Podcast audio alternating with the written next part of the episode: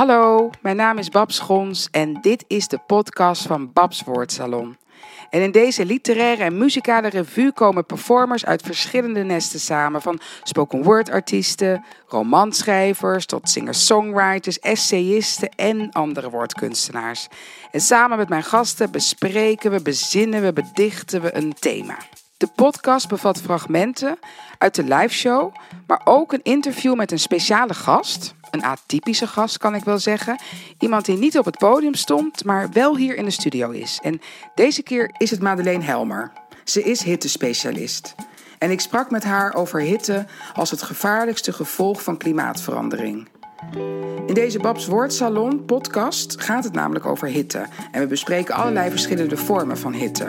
Van opvliegers tot de hitte in de keuken, het heet onder de voeten krijgen, over eindeloze zomers, kookpunten en natuurlijk de opwarming van de aarde. Laten we beginnen. We gaan even terug in de tijd. Podium Mozaïek, 19 november 2021. Een zaal vol publiek. De temperaturen lopen op. Een podium vol gasten. En we gaan luisteren naar waar deze artiesten warm, heet, wit heet, hittepitten, heethoofden, opgewonden standjes van worden. Waar lopen ze warm voor? Te beginnen met schrijvende kok of kokende schrijver, Gilles van der Loo actrice, zangeres en nog veel meer Manouska Breveld-Zegelaar en dichter Lemuel de Graaf. Ga lekker bij liggen, fietsen, stap de sauna in, ontspan en luister naar deze ervaringen met hitte. Als het mogelijk was om dreigend te sloffen, dan was dat wat Lella Santos deed. Haar sleepstappen kwamen mijn kant op. En toen ik opzij keek, zag ik dat ze een schijnbaar loodzware piepschuimdoos in haar armen hield. Ze schudde het ding leeg in de wasbak naast mijn snijplank en een aardverschuiving van lijkwitte inktvissen kwam tot stilstand onder de kraan. Chef Lella trapte de lege doos met de punt van haar koksklomp onder de werkbank. Ze zette de kraan open en voelde aan de waterstroom voor ze die op de berg bleke lijven en tentakels richtte. Ik maakte het me vast maar wijs, maar een sliert vol nappen krulde op en leek zich om een takje meegekomen wier te wikkelen. Ik veegde het zweet van mijn voorhoofd met de stugge mouw van mijn nieuwe koksbuis en dacht aan mama, die me nog geen uur geleden stralend en huilend had uitgezwaaid.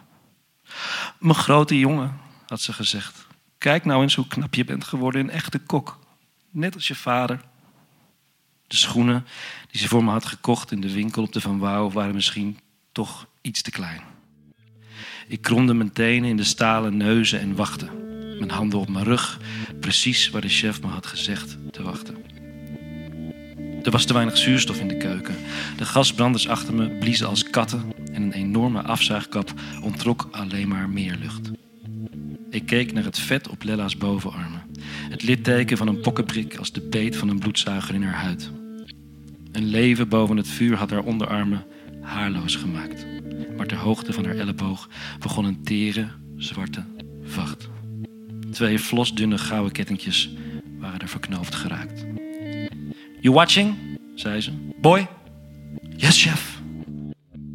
Ik spande mijn vuist om het handvat van mijn mes en checkte of mijn nieuwe blokdoek nog over mijn schouder lag, zoals ik bij de andere koks had gezien. Ernesto moest achterlangs. Ik stapte opzij, kwam daardoor klem te staan tussen Lella's billen en het fornuis. Nog even en mama's nieuwe koksbuis zou vlam vatten. You like that, zei Lella over haar schouder en drukte haar kont wat verder naar achter. Don't you?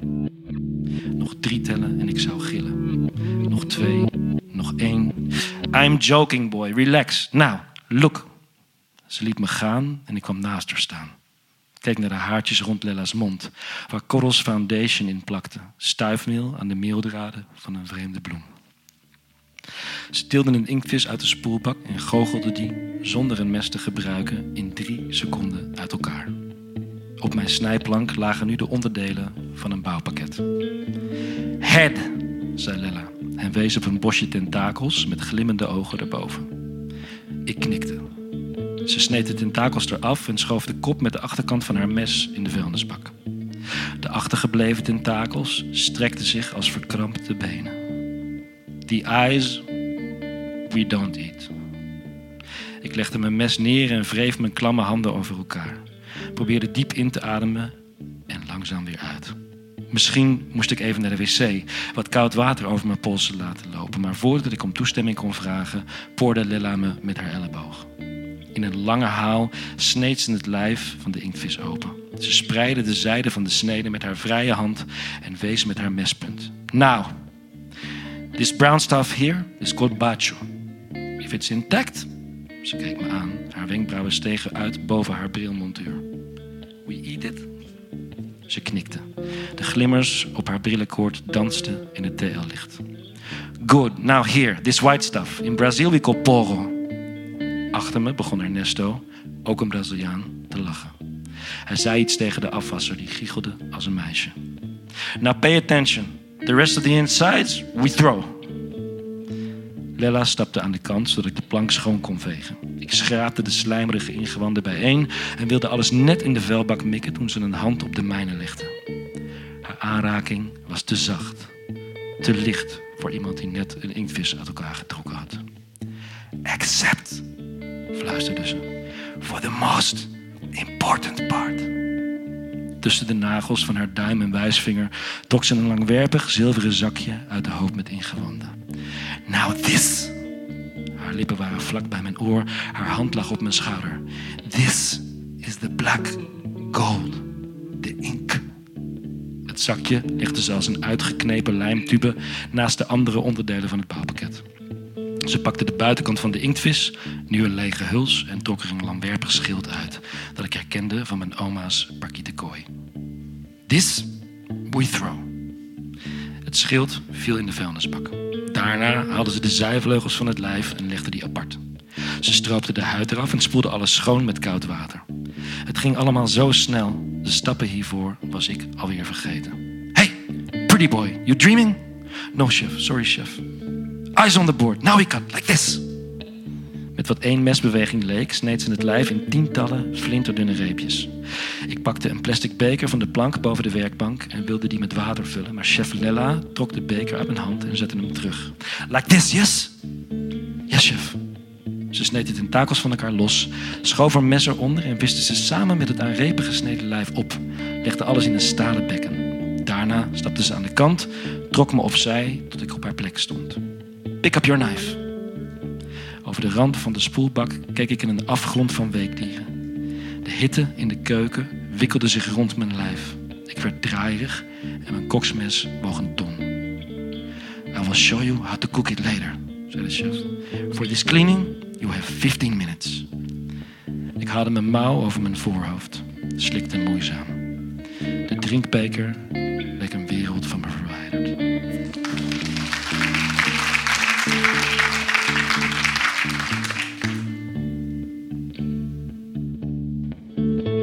Solissimi Besawani? Takala Sanpi Solissimi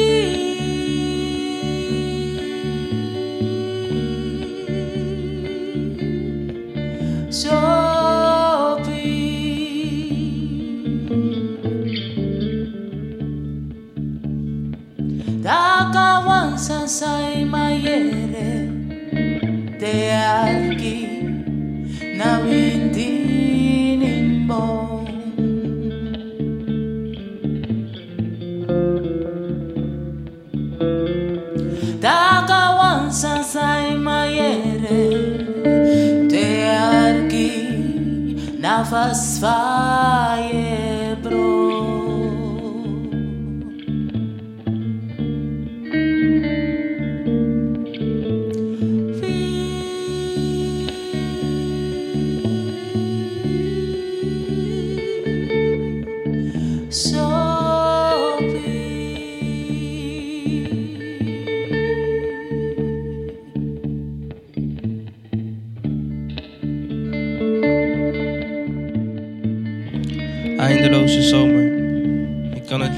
lopen. En niets had ons me in. Want we dronken wijn en braken broden. Met de mensen die er waren om daadwerkelijk te blijven. Eindeloze zomer, ik kan het liedje laten lopen. Niets had ons me in. We dronken wijn en braken broden met de mensen die er waren om daadwerkelijk te blijven. En als ik de juiste woorden had, waren ze niet om op te schrijven. Als ik de juiste woorden had, wist ik mijn mond wel te houden. Maar de stilte is te luid om mezelf te kunnen horen. En de gedachten om te praten zijn niet meer om aan te horen. Al mijn friends zijn depressed, ik heb vijf vingers om de fles. Eén spliffie in mijn bed, ik ben er nergens onderweg.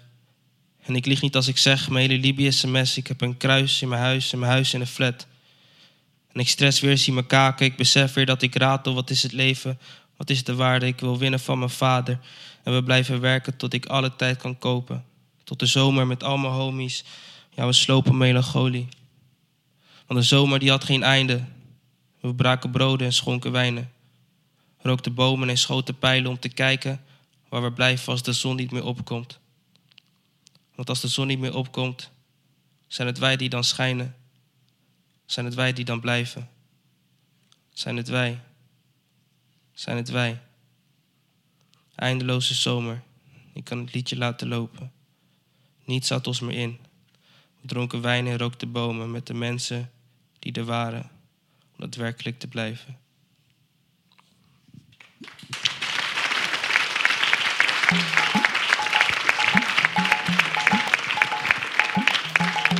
Klamme handen, klotsende oksels, broeierige aanrakingen en hitsige gedichten.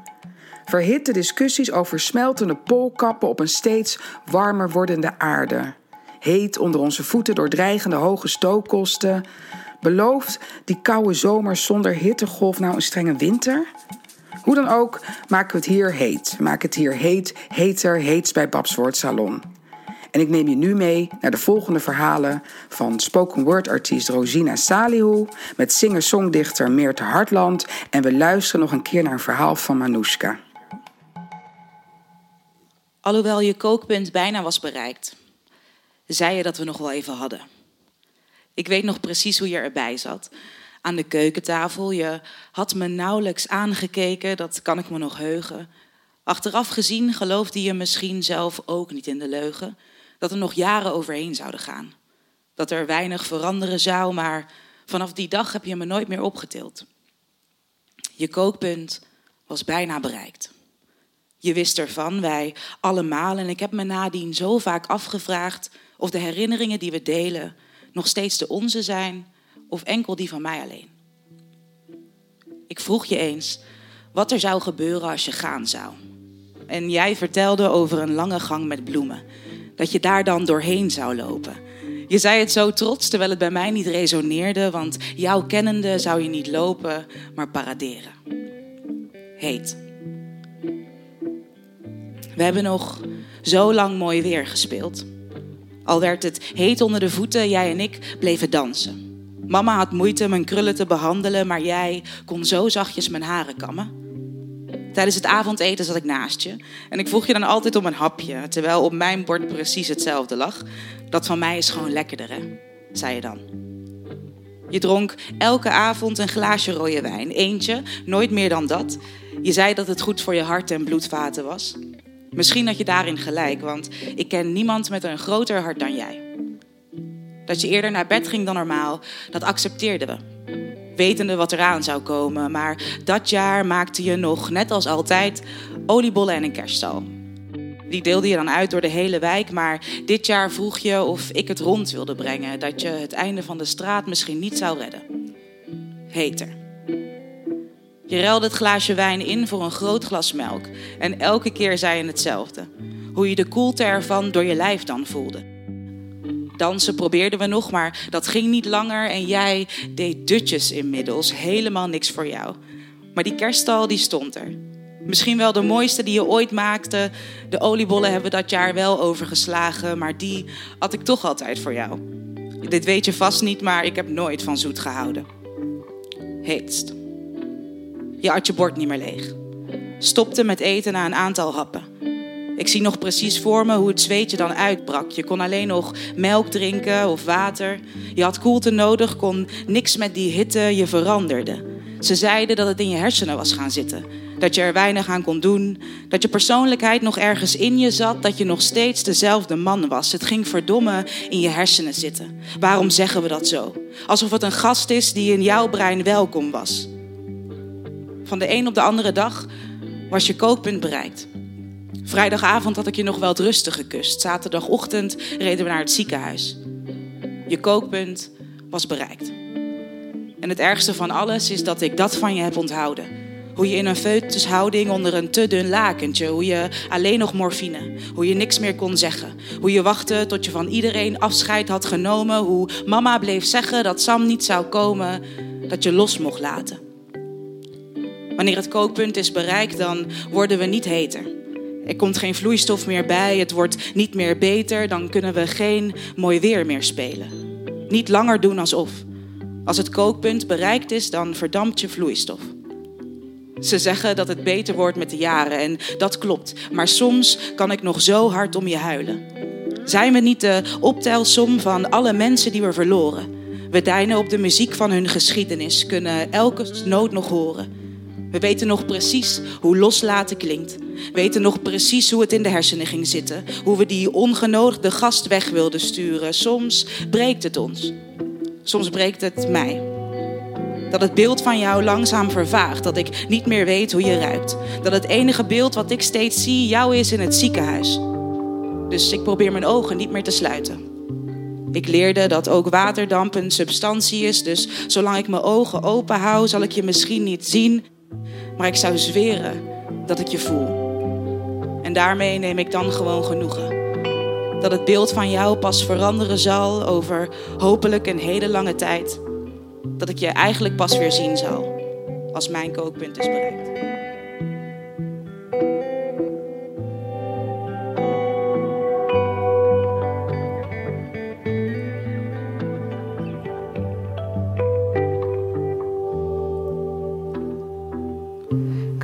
Drogen in de doka.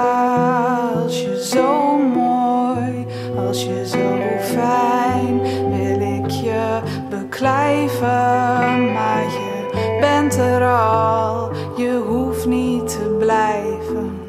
Blijf, je hoeft niet te blijven. Blijf, je hoeft niet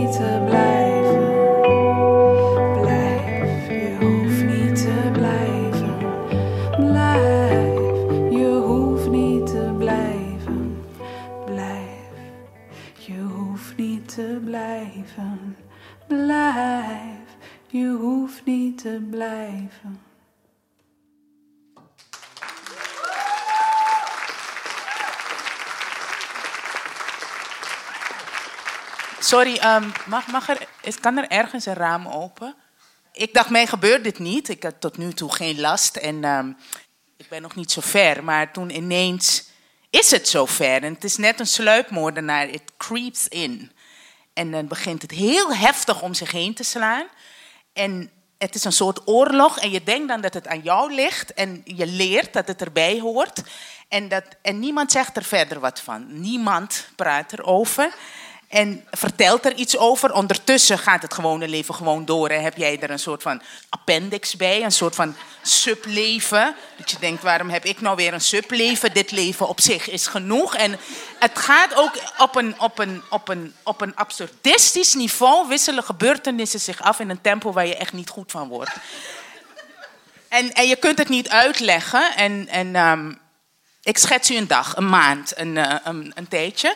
Um, ik voel me niet lekker. Ongesteld, slap, breekbaar, verstoord. Um, dat is elke maand zo, maar het gaat ook weer gewoon over.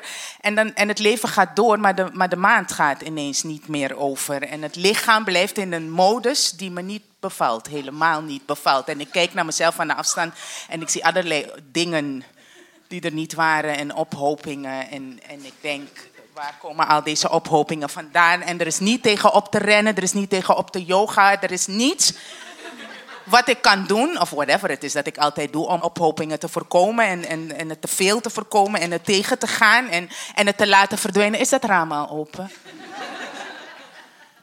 Op een ochtend zijn mijn nagels mijn nagels niet meer, zijn broos dunner, mijn haar lijkt dunner. Nee, het is echt dunner, echt. Het is echt dunner. En mijn huid is droger en, en ik heb pijn in mijn knieën, ook wanneer ik fiets. En ik zie steeds minder, plus één, plus twee, plus drie. Oh, concentratie is ook zo'n dingetje.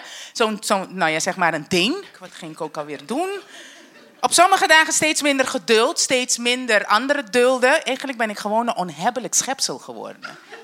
En de schommelingen zijn ook heel zwaar. Je gaat nu een andere fase in. Je moet het gewoon accepteren. Hou je bek! Seriously. Ik ben nog zo jong, vind ik. En ik ben gewoon ongesteld, slap, breekbaar, verstoord. Dat is elke maand zo. En het gaat ook gewoon weer over. Ik heb gewoon een soort uh, overgevoeligheid um, ontwikkeld. Voor, uh, voor omgevingsgeluiden. En voor, uh, voor prikkels. En eigenlijk kan ik deze tekst gewoon ook uit mijn hoofd. Alleen nu even niet, want het is even heel erg druk. ik ben heel veel verschillende dingen aan het doen het hele weekend. En, en normaal is tekst leren is natuurlijk... Tekst leren is gewoon mijn ding. Dat is wat ik doe voor mijn werk. Dus ik, ik kan dat gewoon eigenlijk moeiteloos. Alleen nu even niet, dus dat maakt me heel even heel erg boos. En daar ben ik dan weer gefrustreerd over. En dat maakt me weer echt woedend. Het is gewoon niet te doen. Kan het raam open? Maar de melancholie is stilletjes het leven binnengeslopen. Hoe is het mijn moeder vergaan? En ze is er niet meer om me te vertellen wat zij gedaan heeft. Hoe het haar is overkomen. En er is verdomme niemand die erover praat. En er is niemand die er iets over zegt. Het is gewoon moe en lusteloos. Um, stemmingswisselingen. depressieve gevoelens, somberheid, uh, gejaagd gevoel, nervositeit, hartkloppingen, kortademigheid, benauwdheid. Duizelig, rusteloze benen in de nacht. Onzekerheid, angst, paniekaanvallen, vergeetachtigheid, moeilijk op woorden komen, onhandigheid, overbeharing, niet meer weten waar je iets hebt gelegd Pijn na het fietsen, pijn voor het vrijen, bij het vrijen, na het vrijen, tijdens het vrijen, als je al wil vrijen.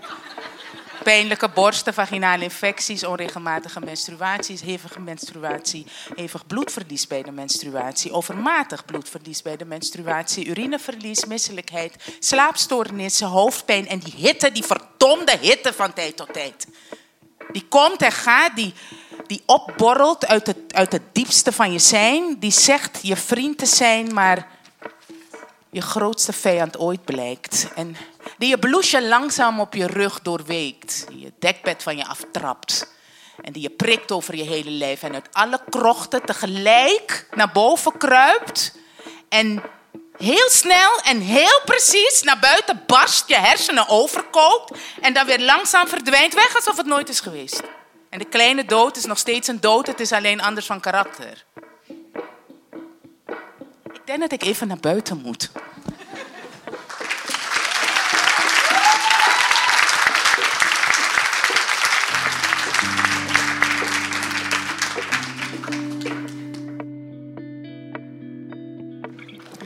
Weet je, we waren allemaal dun. Vroeger. Weet je nog? Dat schoolfeest, op die foto. Kijk nou, dat kontje in die hotpen. Ze waren allemaal dun en slank en bloedmooi en strak en heet. En kijk nou hoe wit die tanden, hoe slank die enkels. Dat jurkje, dat paste lang niet meer. Dat was nog van voor ons dertigste, voor de eerste zwangerschap, voor die nare collega's, voor die gigantische verantwoordelijkheid voordat het leven ons met hoge vaart de jaren en de slapeloze nachten introkken waren allemaal dun en slank en strak en heet en bloedmooi, voordat we het allemaal zelf moesten doen. Sterke vrouwen moesten worden, we verlaten werden, we zelf er vandoor gingen, onszelf kwijtraakten onder stapels wasgoed en rekeningen en we pas leerden te eten nadat iedereen om ons heen gevoed was. En we geen andere plek konden vinden om de zich opstapelende zorgen te bergen dan onze dan onze rimpels en, en, en fietstassen in ons steeds minder rekbare huid. Oh, we waren allemaal toch dun en bloedmooi en, en geil en heet en strak en glad. En dat was nog voor de vleesbomen en de baarmoederhalsontstekingen en de teleurstellingen en de ongewenste intimiteit. En we waren allemaal zo dun en zo mooi en zo heet en zo bloedmooi en zo strak voordat de wereld meer van ons nodig had. Meer om te omarmen, meer om van te houden, voordat we durfden uit te ademen, de boel te laten zijn. Ons lijf, ons lichaam als een Rembrandt van ons leven. Oh, wat waren we toch allemaal dun en mooi en heet en zo en allemaal. Voordat we hè, die ruimte durfden in te nemen, speciaal voor ons. Waarin we zonder verontschuldiging helemaal onszelf mochten zijn. Met alles wat we bij ons dragen. Want we waren zo dun en zo heet en zo mooi en zo bloedmooi en zo strak.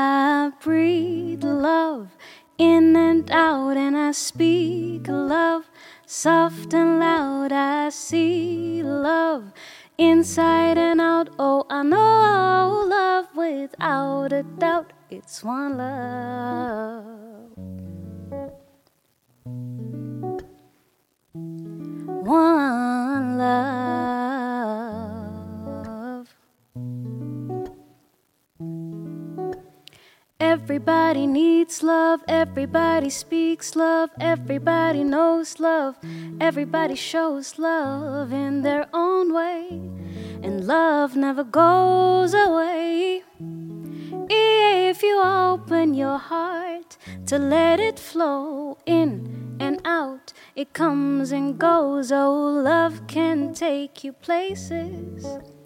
Love has many faces, but it's all one love. One love. Oh.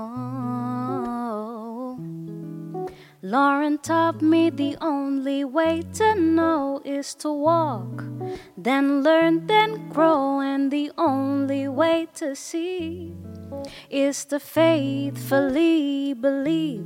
And now I see miracles on the daily. I know I have angels by my side. You ask me, do I believe in magic? I smile and answer, I have opened my eyes, and now I feel love in my soul, and I give love without a goal. I am loved.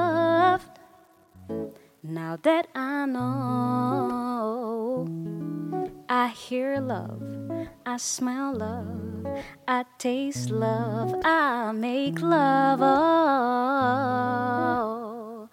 and it's all love, it's one love, love, love, love. One sweet love, love, love, love. One love.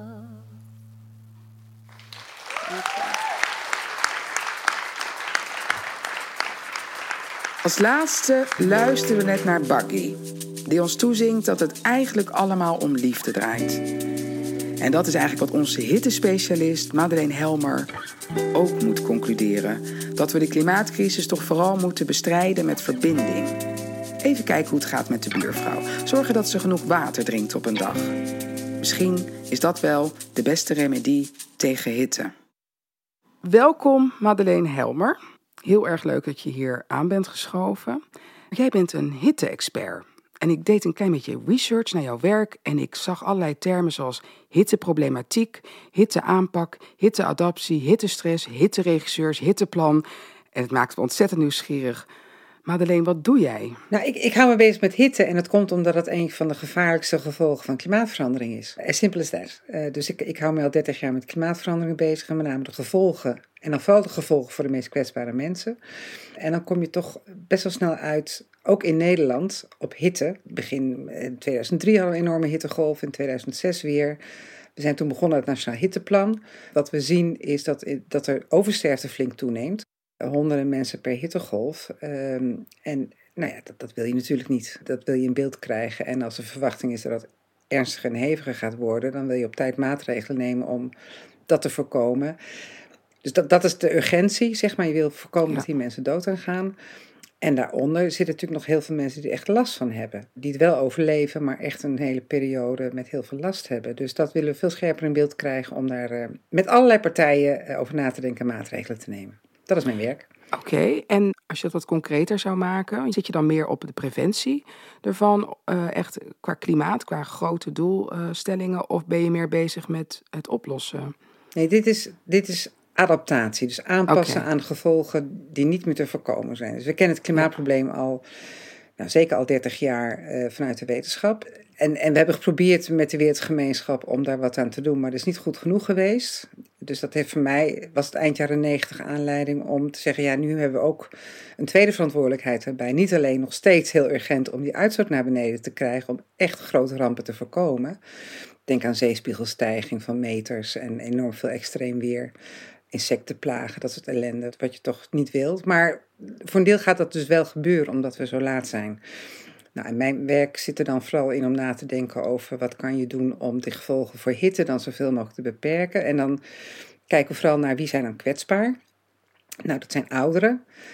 Eh, omdat die gewoon fysiek een lagere dorstprikkel hebben. Die hebben gewoon minder in de gaten dat ze uitdrogen.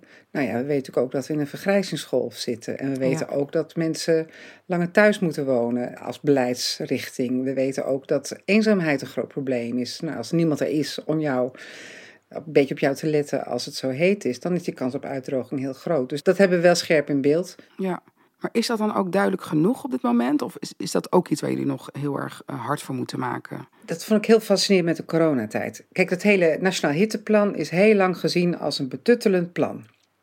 Hoe, hoezo moet de overheid mij vertellen dat ik goed moet drinken en genoeg moet koelen en lichte kleding aan moet zetten? Het zijn te simpele maatregelen, te lullige maatregelen, zou je bijna denken, om te moeten communiceren. Maar elke keer zagen we weer die oversterfte toenemen. Dus er zit natuurlijk een groot verschil tussen hoe je het ervaart en wat dus de gevolgen zijn. En dan komt corona en dan gaat het over lullige maatregelen. Dan gaat het over anderhalve meter, handen wassen, mondkapje voor. Er wordt gecommuniceerd dat je moet hoesten in je elleboog. Weet je? Dus ik kijk mijn ogen uit in deze tijd. En wat ook mij opviel, is dat die oversterfte van die hitte werd eigenlijk nooit gecommuniceerd. Behalve dan zeg in de kring van deskundigen.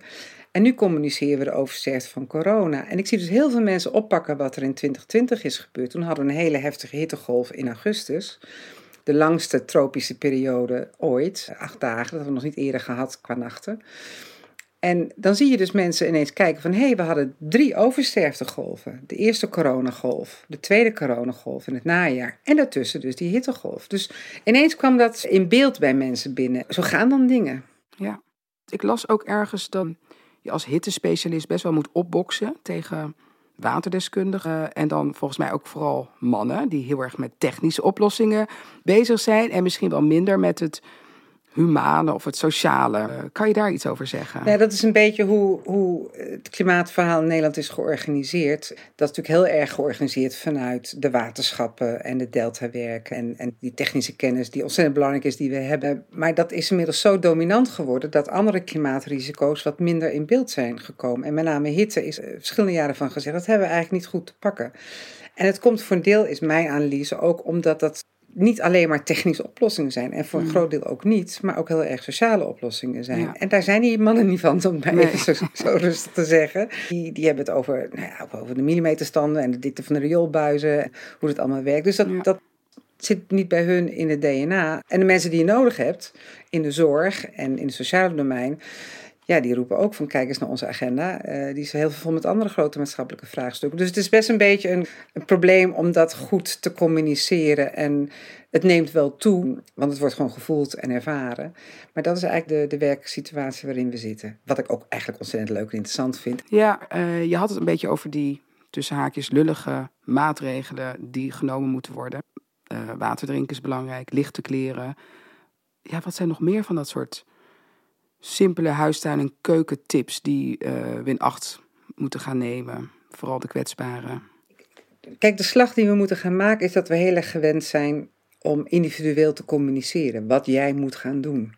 Maar eigenlijk de grootste opdracht in de hele hitteaanpak is zorgen voor elkaar. Het letten op elkaar het is iets anders van zorgen voor jezelf. Met icepacks en met uh, voetjes in het water. Weet, dat, dat kunnen heel veel mensen vanzelf ook wel Ja. bedenken. Maar juist de mensen die kwetsbaar zijn, die hebben dat het minder scherp in beeld. Die liggen vaak nog onder een dekbed. Weet je, zo- banaal is het vaak. Maar dat kom je natuurlijk bij heel veel vraagstukken tegen. Dat je kunt van allerlei eh, high-tech bedenken. Maar het zit vaak in hele, hele simpele gedragsdingen. Ja. Want er zijn natuurlijk heel veel sociale inzichten die we inmiddels hebben. Eigenlijk zijn de armste buurten ook de Ja. warmste buurten. Daar heb je een opeenstapeling van kwetsbaarheden. Dus Ja. versteende wijk of een heel slechte groenvoorziening in die wijk. Doorzonwoningen die niet geïsoleerd zijn. Slecht portiekflats. En in verhoudingsgewijs in sociale huurwoningen die vooral in die wijken zitten. Dus de helft heeft, heeft of AOW of, of een bijstand. Dus dat, zijn, dat is de kwetsbare groep. Dus we krijgen scherper in beeld waar we moeten zijn. Ja. Maar daar speelt ook eenzaamheid, eh, gezondheidsklachten.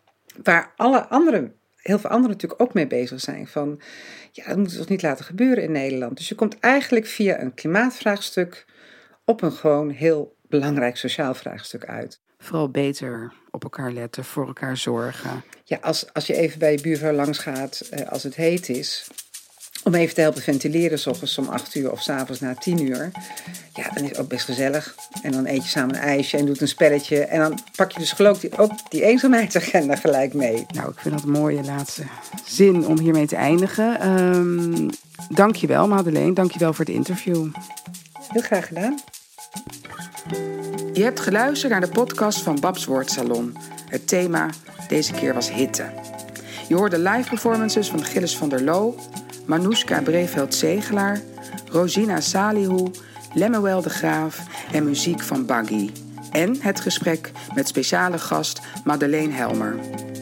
Babs Woordsalon is een productie van SLA, Stichting Literaire Activiteiten Amsterdam, en Podium Mozaïek, een concept van Mike van Wetten en Babs Gons, en wordt mede mogelijk gemaakt door het Letterenfonds en het Lira-fonds. Wil je Babs Woordsalon bijwonen? Kijk dan op onze Facebookpagina of de website van SLA of toets Babs Woordsalon in op je zoekbalk. En dan vind je speeldata voor het komende seizoen. En als laatste wil ik nog even zeggen dat de productie en sounddesign in handen zijn van Meerte Hartland.